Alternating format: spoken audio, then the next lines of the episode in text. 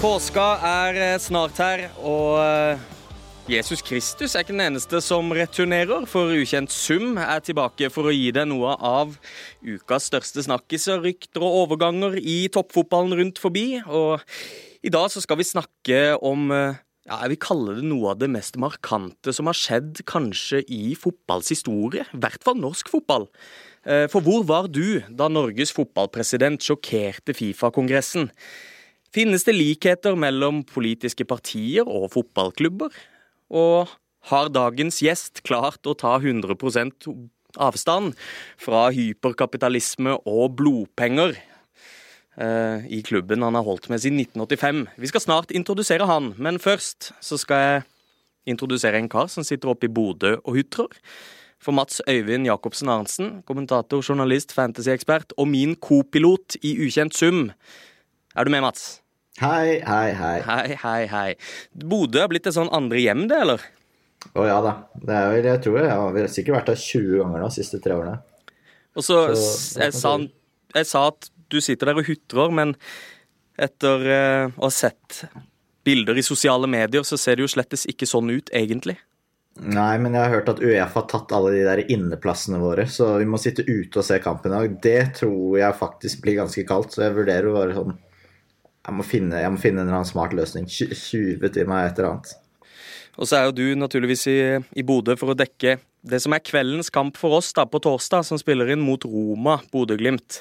Eh, jeg så på et klipp på Twitter, tror jeg det var, så var det noen som prøvde å kaste en snøball på Mourinho. Var det du, eller? Nei, men jeg filmet jo, da. Fra andre siden. Ja, så jeg, okay. var, jeg, var, der da det nesten smalt, holdt jeg på å si. Men han var ikke så, han var ikke så blid da. Han sa eh, Forståelig. Blame that kid who throw that fucking thing, eller et eller annet sånt, var det han sa. Og så gikk han litt sånn mutt inn på minibussen sin.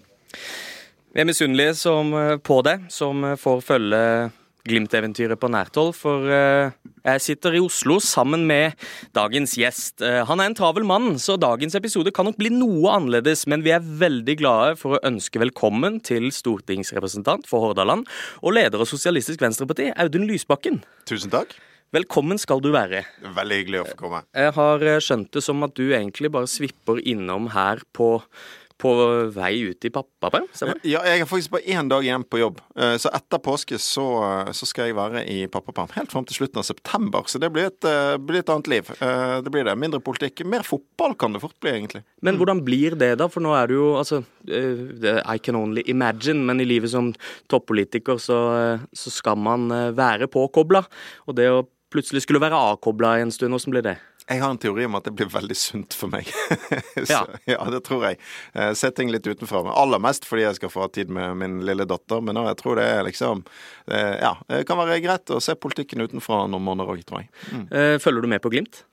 Ja, det gjør jeg jo. Altså, men sånn at jeg er jo Jeg er en kokende Brann-fan. Og det betyr jo at Eliteserien er en turnering jeg stiller meg likegyldig til. Uh, men, uh, jeg, men, det jeg skal si, og, og det er også sånn Jeg syns ikke Jeg er mot sånn der vi, vi, bare heier på alle norske lag. For det er ikke sånn at jeg plutselig blir Glimt-fan bare fordi de er i Europa. Men det er, men, men det er, klart at det er kult for norsk fotball at de gjør det bra. Uh, og det er nok lettere for oss bergensere og veldig mange andre når det er Glimt, enn når det var Rosenborg, tror jeg. Jeg fikk innspill fra min kollega Anders Giæver, som er leder av Giæver og gjengen og politisk kommentator i VG. Han lurte på om du helst skulle sett at det het Folkeserien istedenfor Eliteserien. Nei, jeg tror eh, i fotball så syns jeg så er jeg for skarpere hierarkier og større forskjeller enn i resten av samfunnet. Så eh, Eliteserien skal, eliteserien skal det hete. Mm. Hva tror du om Brann, eh, Mats? Kan det bli noe? Kan det bli opprykk? Så bra ut mot uh, Ranheim, da, men hvis de har keepere som gjør sånn blemmer som den kampen der, så det, tror jeg det skal gå 30 strake seire, i hvert fall. For det var noe av det verste jeg har sett. Ja, det, var altså det var faktisk så altså Jeg syns jo synd på han, for det, det, var jo en eh, Han bommet på ballen, rett og slett. Men, men det kan ikke ta, eh, syns jeg, fokus bort fra at faktisk, da, og det er veldig lenge siden jeg kan huske en sånn seriepremiere Brann var veldig, veldig gode. Det var egentlig en prikkfri seriepremiere. Og det, det var jo lettelse. Så jeg har gått litt fra å være sånn Sånn som jeg tror mange bergensere har hatt, at det der nedrykket var en sånn kollektiv ydmykelse. Vi gruet oss til sesongen. Nå syns jeg jo Obos-ligaen Jeg håper det, det holder med ett år, altså. Men det er jo gøy. Jeg har blitt veldig opptatt av Obos-ligaen. Sitter og ser på sånn rundeoppsummering fra Nordre Åsen og Skeid og Ja, det er veldig gøy. Det er koselig her nede. Og, og den venstre, venstresiden til Brann var jo helt uh, strålende. Der, de kom seg jo rundt der gang på gang på gang. Så det kan hende at Brann trengte sånn som man får noen ganger etter det, hvis man har hatt det litt artig fredag, lørdag og våkner på søndag, så går du litt i deg sjøl og tenker hva vil jeg egentlig med livet mitt? Og det er kanskje det Brann trengte nå. Det er en sånn reality check. At uh, de må liksom starte med å komme seg på jobb på mandag og bygge det derfra. Du Audun er jo en av flere profilerte norske politikere fra Bergen, og med et, eh, et hjerte i, i Brann. Og så har jeg prøvd å se for meg Er det sånn at du og Erna Solberg, da eksempel, som står på hver deres side politisk, er det sånn at dere liksom eh, står arm i arm på Brann stadion og, og synger Nystemten? Eller er det sånn høflig nikk fra andre sida av tribunen, typ? Nei, altså i teorien, men jeg tror det er litt sånn at Erna, og det er nok, hun har vært statsminister, så hun har nok liksom måttet være på VIP-tribunen, for det er sånn man behandler statsministre. Det har jo jeg aldri vært, så jeg står med de syngende supporterne. det er hyggelig, det, da. Ja, ja, ja. Det, jo, det er jo det beste. Det er jo det jeg vil. Altså, jeg har eh, Det er jo liksom Jeg kan si min, min uh, fotballfaglige ballast er ikke veldig stor. Jeg er trener for et uh, gutta ti-lag i Holmlia sportsklubb, men ellers er jo liksom min Det er jo tribunelivet som har vært min greie. Men der er jeg ganske kokende. Jeg er ganske god. Jeg har hatt uh, trøbbel i mange politiske debatter fordi jeg har mistet stemmen på fotballkamp dagen før. Men Det er flott, det. Men åssen er det med liksom eh, Nå skal du til pappaperm, du kommer til å få mye tid. Eh, den internasjonale fotballen ruller jo og går. Det er Champions League, Premier League, alle ligaene holder på. Er du, er, følger du med med et halvt øye? Ja, jeg gjør det. Nå, eh, altså, jeg, men, men det, det, som er da, er at jeg hadde et veldig, veldig nært forhold til engelsk fotball veldig lenge.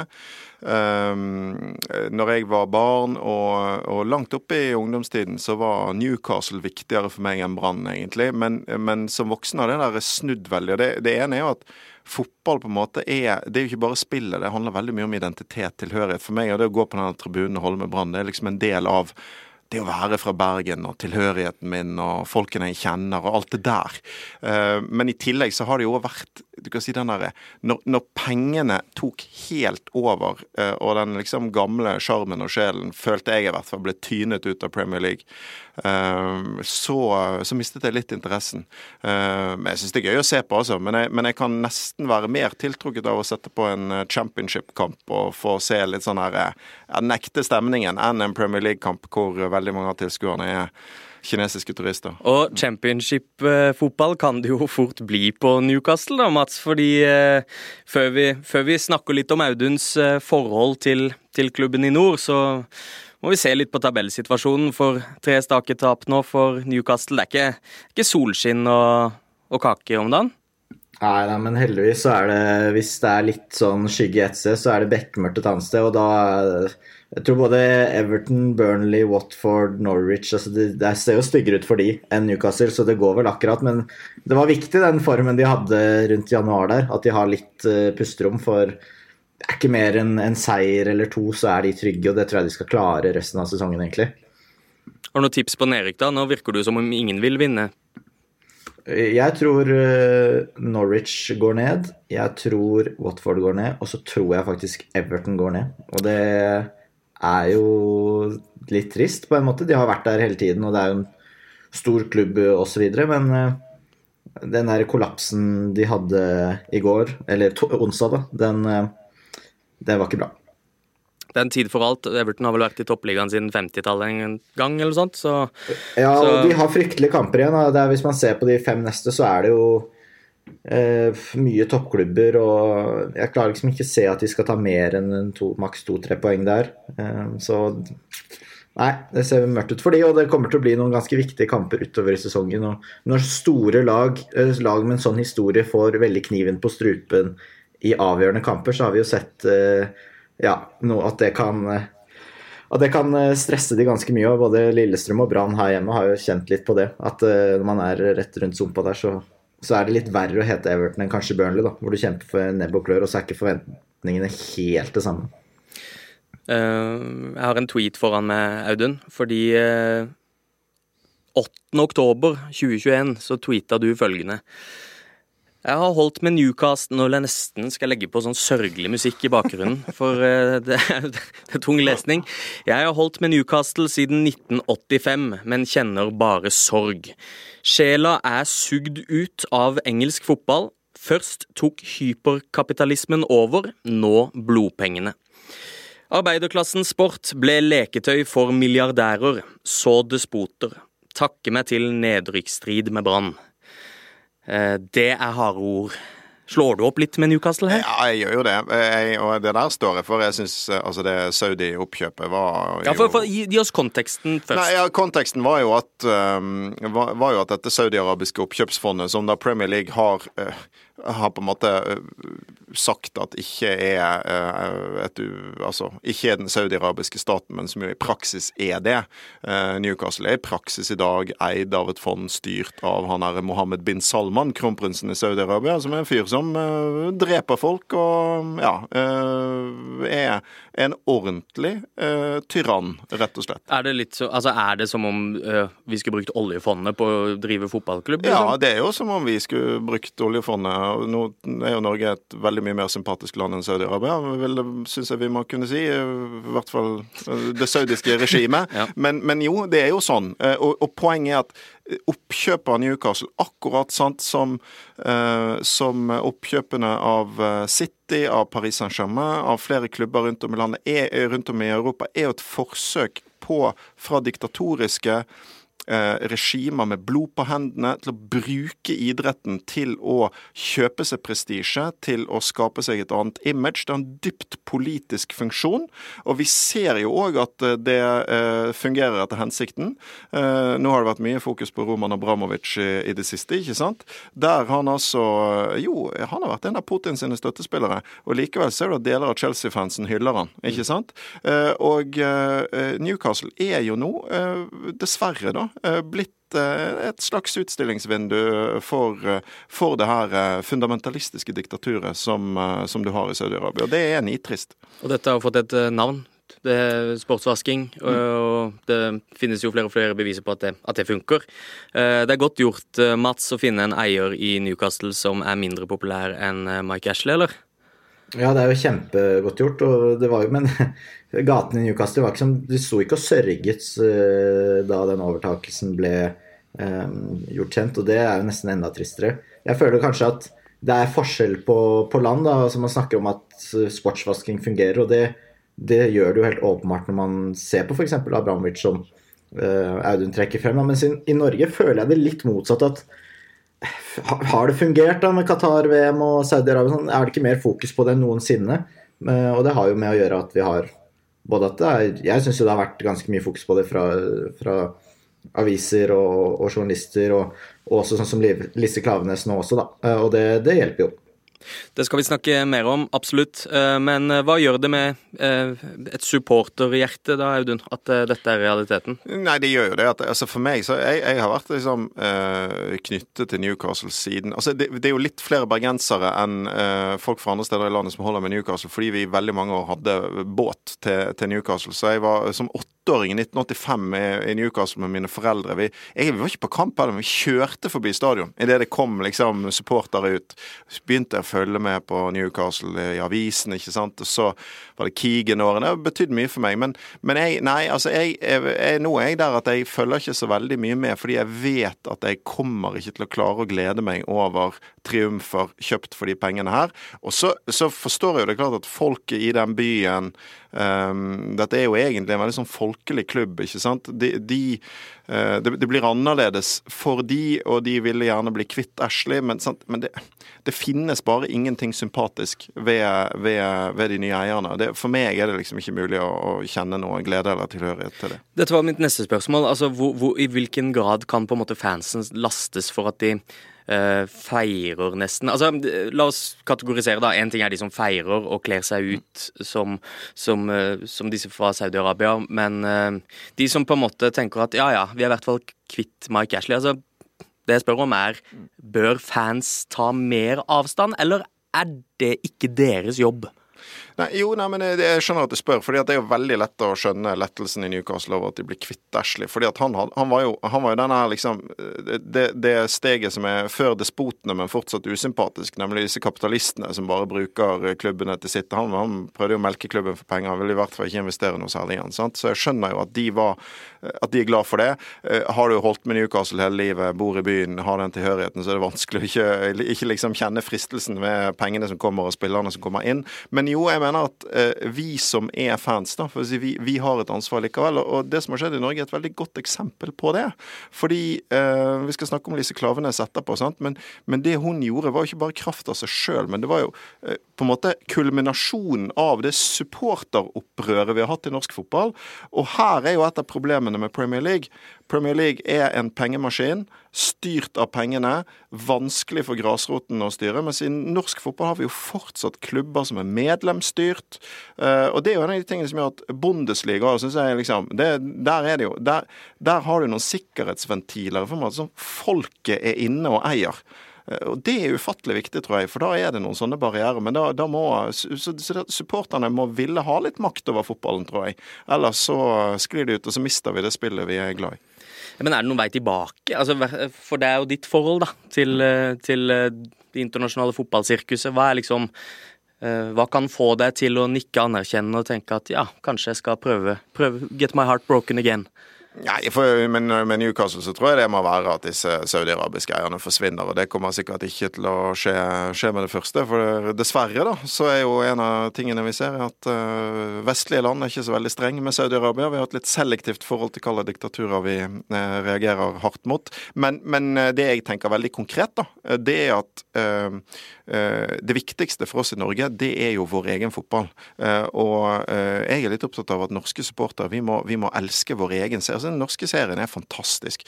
Klubbene er fantastiske. Det er, jeg tror at det vil igjen stå foran en opptur for uh, tribunekulturen. Så jeg tenker sånn, la oss forsvare og utvikle vår egen fotball. For den jeg, jeg, vet ikke om Premier League går an å redde, men, men, vi kan sørge for at vi får en sånn folkelig forankret folkets sport i Norge. For det er det fortsatt. Det er det, det, det, det, er jeg mest opptatt av, egentlig. Og Derfor så tenker jeg at uh, ja, sikkert høyere tempo i Premier League, men jeg, nå koser jeg meg med oppsummeringen av Obos-ligaen. Ja. Du som dekker eh, norsk fotball tett, Mats. Er du, er du enig i at det er vel så sjarmerende å, å stå på Aspmyra som det er å stå i kalde England? Ja, men jeg synes noe av det jeg liker med å se fotball i England, er at jeg kan jo få meg en pils på tribunen og sånn. Det går jo ikke an i Norge. Folkets mann. ja, men det er jo helt nydelig å stå Vi var på Stoke on Trent der, og jeg har til og med tatt med meg dama, vi så Stoke Aston Villa. Det var en bestemor som skjelte ut dommeren og på det mest sjikanerende grove vis jeg har hørt i hele mitt liv. Uh, og så etterpå så sto alle sammen der, og de, de var, tok seg en øl, og det åpna til og med dørene, og vi gikk utafor stadion og sto der i sola. Det var helt nydelig. Så kanskje vi skulle hatt det på en tribune eller to. Jeg vet ikke Hvor, hvor står SV i den uh, debatten her? Altså, Øl på fotballtribuner, det er et godt spørsmål. Det, den saken har ikke vært oppe på Stortinget. Jeg kjenner at jeg personlig umiddelbart uh, har en dragning mot det du foreslår der, men det er ikke helt sikkert at jeg får partiet med meg. Men er det ikke mulig å stenge av sånn én tribune eller to tribuner? Er vi så, så nedsnødd her i Norge at det blir bare juling og at unge, unga nekter å dra på fotballkamp igjen og kommer gråtende hjem? Det, jeg vet da søren, jeg. Nordmenn er jo Jeg har jo sett at det ikke alltid går like bra, så ja, det er en evig, evig greie.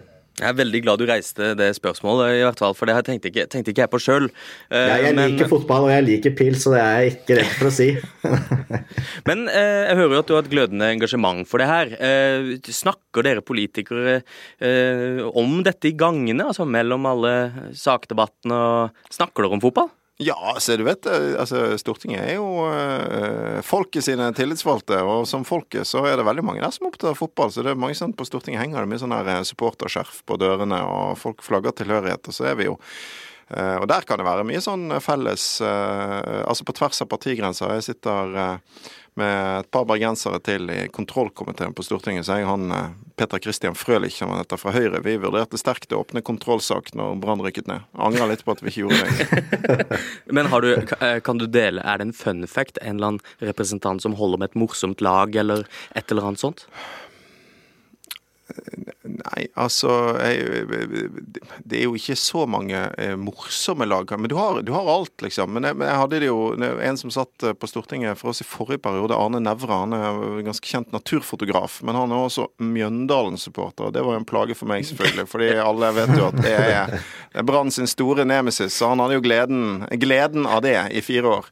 Han er ute nå, da. Det, det er den eneste grunnen til at jeg er på en måte glad for det. For da det er jo det er så typisk, vet du. Vi rykker ned, så rykker vi til og med ned sammen med Mjøndalen. så det er ekstra vondt. Ja, det vondt ja for det er minus seks poeng. Det du vet det på forhånd. Uh, vi skal videre, uh, for uh, vi må innom den kanskje største snakkisen, det er i hvert fall i Fotball-Norge, men altså, en av de største snakkisene i fotballverden, virker det som.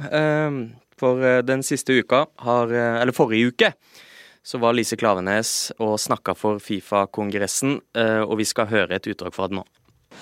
Football where boys and girls, all colors, straights and queers, everyone is treated with equal respect and recognition. In 2010, World Cups were awarded by FIFA in unacceptable ways with unacceptable consequences. Human rights, equality, democracy, The core interests of football were not in the starting 11 until many years later. Her snakker hun altså foran Fifa-kongressen, som innebærer eh, president Gianni Infantino, VM-sjef Hassan Al-Tawadi eh, og hele bøtteballenten. Kan ikke hjelpe meg med å sette ord på dette. Audun, hvor stort er det hun gjør her? Det er så stort. Eh, så jeg mener Lise Klavenes er eh, Altså, jeg hadde sans for henne fra før, altså, men hun er virkelig min store helt eh, nå om dagen. For det der er det der er modig gjort. Uh, og uh, det er jo modig av hun personlig, sikkert ubehagelig, uh, kan jeg tenke meg, i det der selskapet der. Det er jo modig av Norges Fotballforbund, fordi det er ikke lett å stikke seg ut. Men det er så nødvendig. Eh, og når noen land går for Det er jo dette liksom Det, det er det jeg tenker jeg alle supporterne og de klubbene som gikk foran i boikottkampanjen, håpet på. At Norge skulle tørre å stikke seg fram i håp om at andre land skal komme etter. Og det tror jeg virkelig kan skje nå. Og så er det jo mange av disse pampene i Fifa som selvfølgelig bare kommer til å bli irriterte, men spørsmålet er om ikke liksom deres uh, tid uh, sakte kan ebbe ut, og at det i hvert fall vil bli veldig vanskelig å gjenta det de gjorde med Qatar-VM. sant? Eh, hvor de altså eh, skandaliserer VM i fotball. Det er jo det de gjør. Ved å gi det til dette regimet, flytte det til desember, se gjennom fingrene på alle menneskerettighetsbruddene. Eh, og ja, mye korrupsjon er det vel òg grunn til å tro at det har vært i prosessen. Dette ble jo ikke bare hylla i innenlands, Mats. Verden har fått øynene opp for Lise Klaveness nå. Ja, det var voldsomt òg. Det var vel vel fortjent. Det er på tide at noen sier litt ifra. Det er jo frustrerende å se altså, Hvis man ser på de mesterskapene som har vært, ikke bare fotball, men i OL og annet de siste årene. Og det tar jo noe av gleden ut av det. Det gjør jo det. Men uh, nå så jeg til og med det siste jeg leste nå for en tid tilbake, var at uh, Infantino ville eksperimentere med kamplengden. Altså, han foreslo 100 minutters kamper? Altså, er, er, alt anything goes nå, eller? Ja, men det er jo tydelig det. Altså, det men sant, dette, de har jo mistet bakkekontakten. sant? De tror at det her spillet bare kan gjøres om til noe som skal pakkes om for TV og for å nå nye seergrupper. Jeg vet ikke helt hvor, jeg. Og at du kan liksom bare ta sjelen ut av fotballen. De kommer sikkert snart til å komme tilbake med forslag om større mål og sånn. ikke sant? Altså, ja.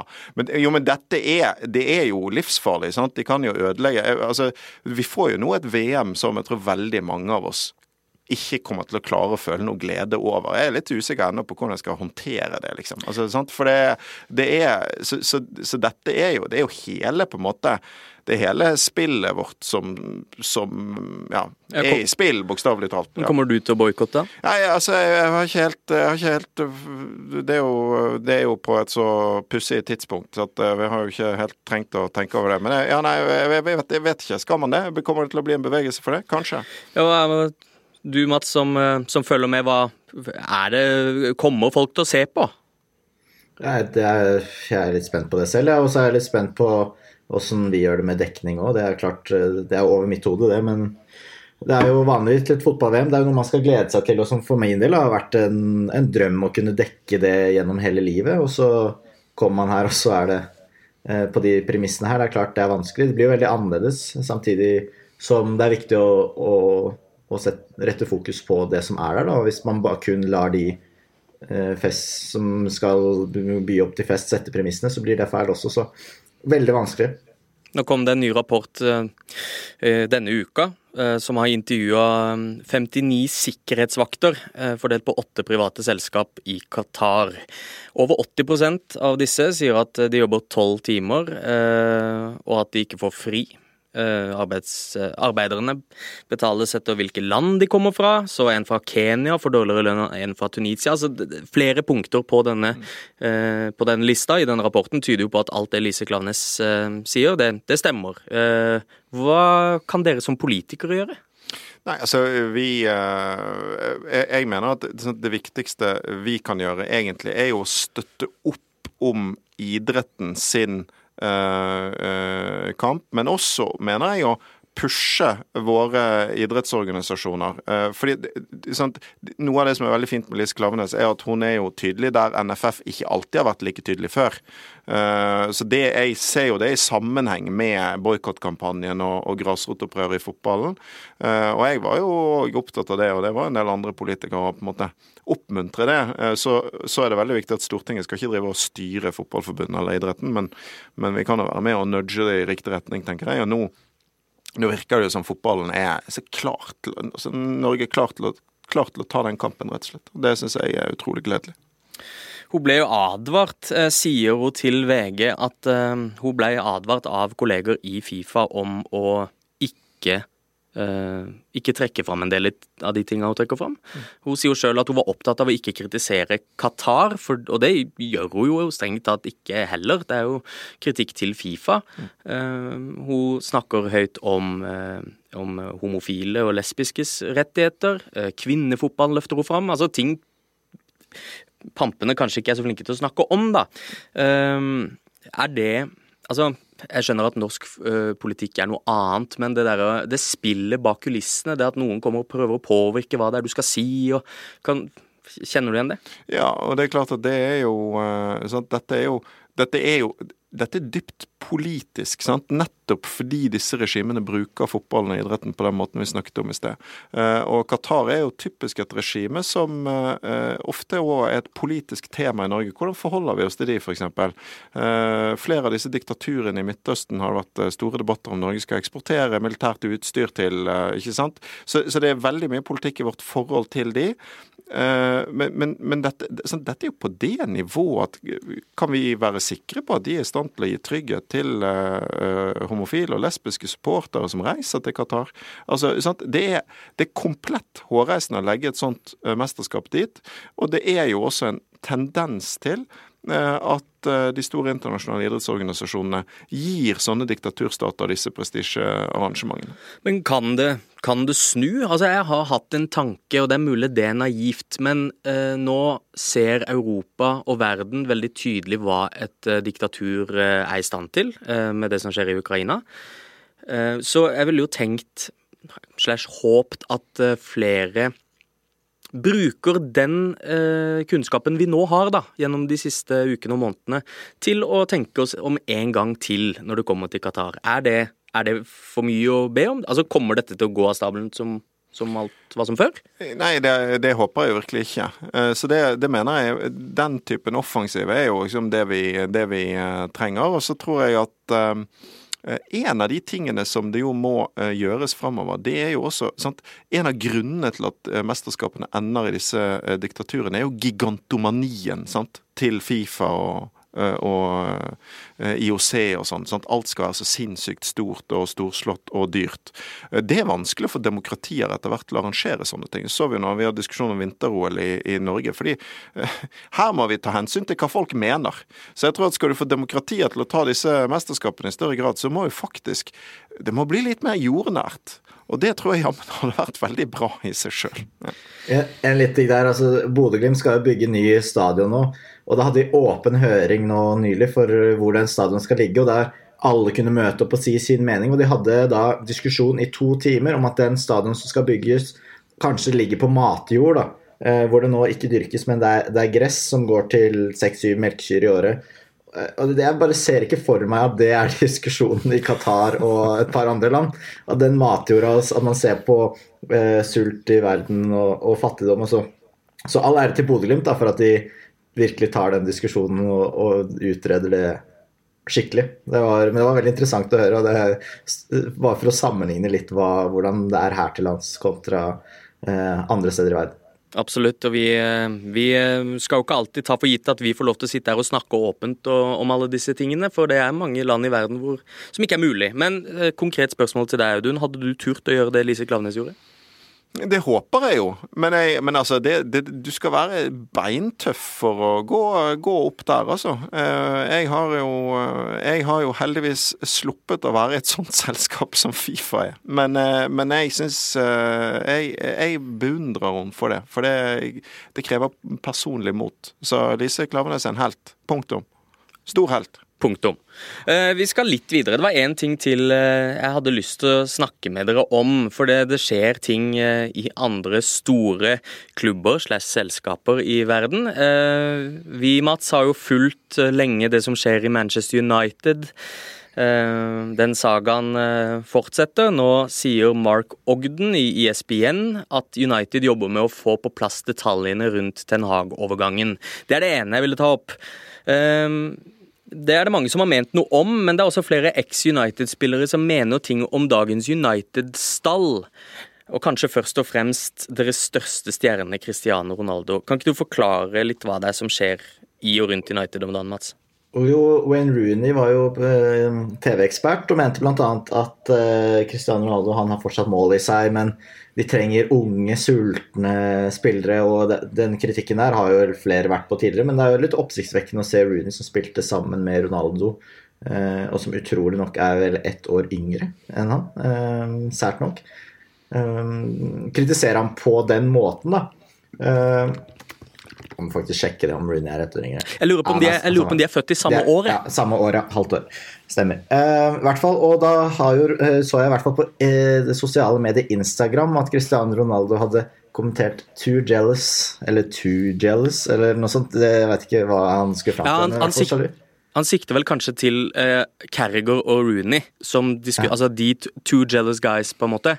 Ja, sånn, ja. Mm.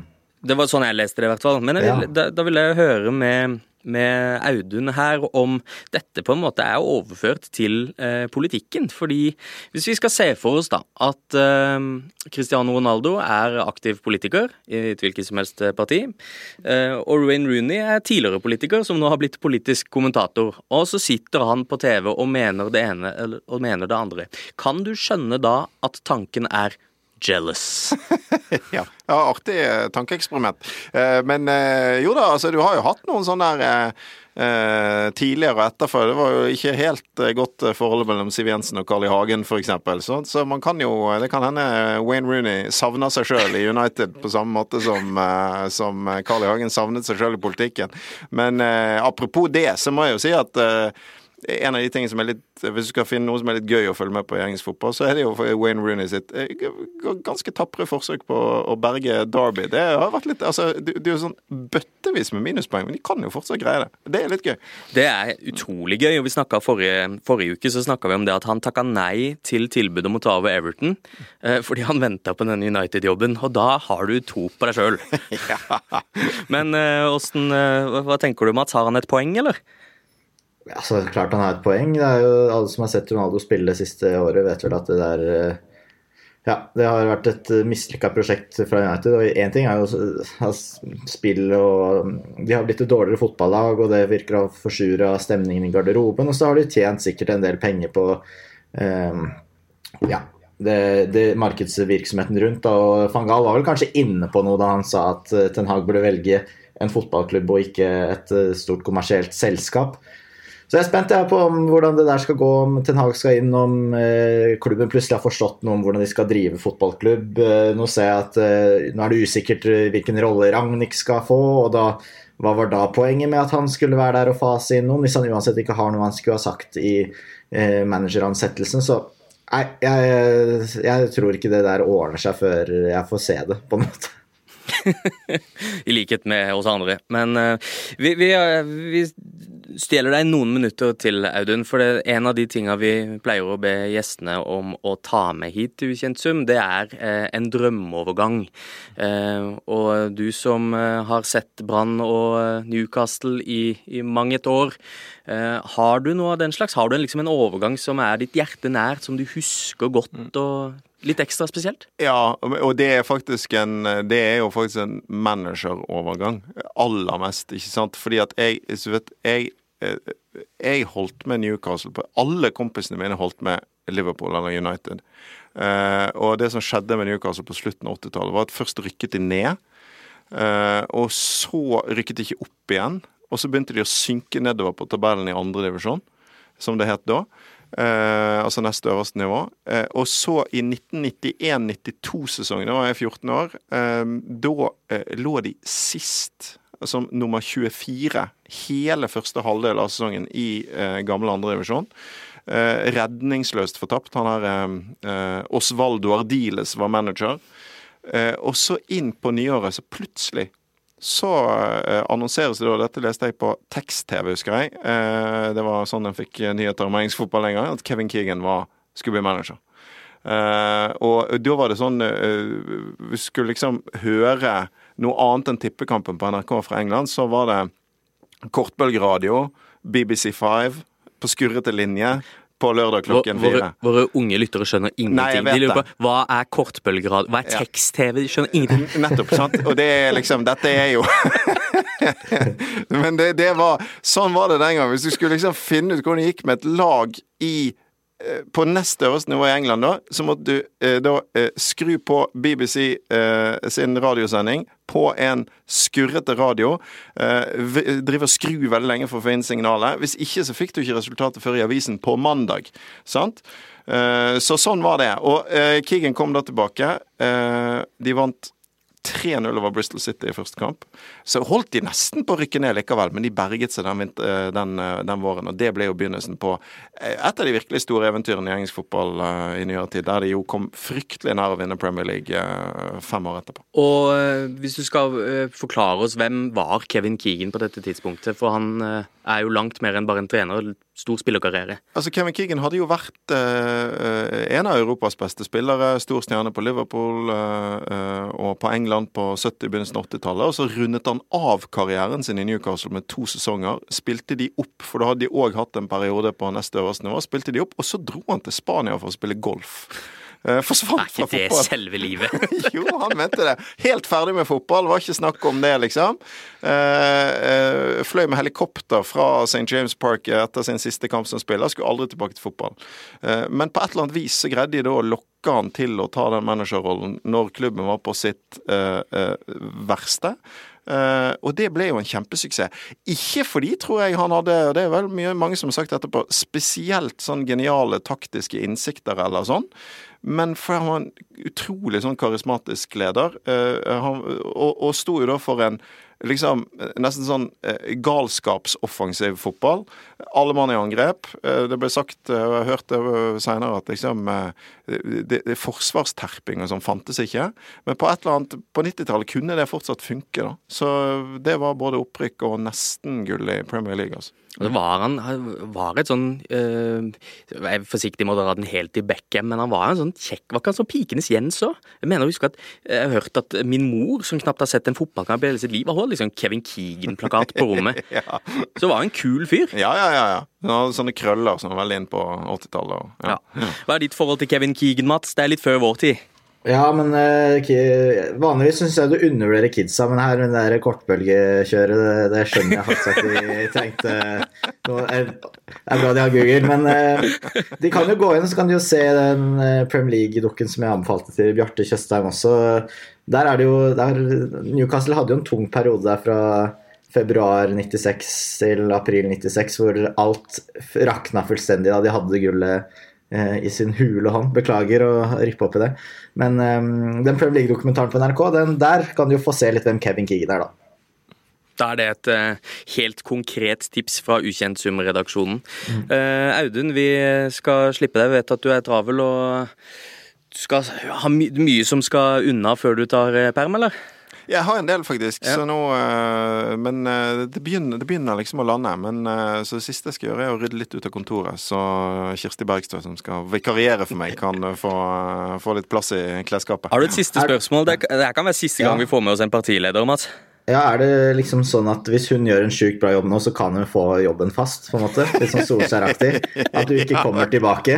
At folk står der bare sånn Hvis det går litt dårlig, så kommer det sånn 'Give it to, just till the end of the season'-aktig med plakater og Lysbakken out og sånn. Det det er jo sant. Det er sånn assistent som eh, det er, hvis det, er sånn, det er klart, hvis, hvis målingene går rett opp nå når jeg går ut til perm, så må jeg jo, så må jeg jo tenke meg om. Urovekkende klatrer, klatre opp på tabellen. Audun Lysbakken, det har vært en ære og glede å ha deg her. Tusen takk for at jeg fikk komme. Det var kjempehyggelig. Og eh, Mats, du får kose deg så masse på fotballkamp eh, i kveld. Jeg er sikker på at veldig veldig mange misunner deg det, men når denne episoden kommer ut, så vet vi jo om eh, Bodø-Glimt har klart å beseire romerne enda en gang. Anbefal eh, podden til en venn, og eh, ha en gledelig påske. Og så er vi tilbake uka etter påske, så er det lite opphold der. Hei og hå. Hei, hei. Du har hørt en podkast fra VG. Ansvarlig redaktør, Gard Steiro.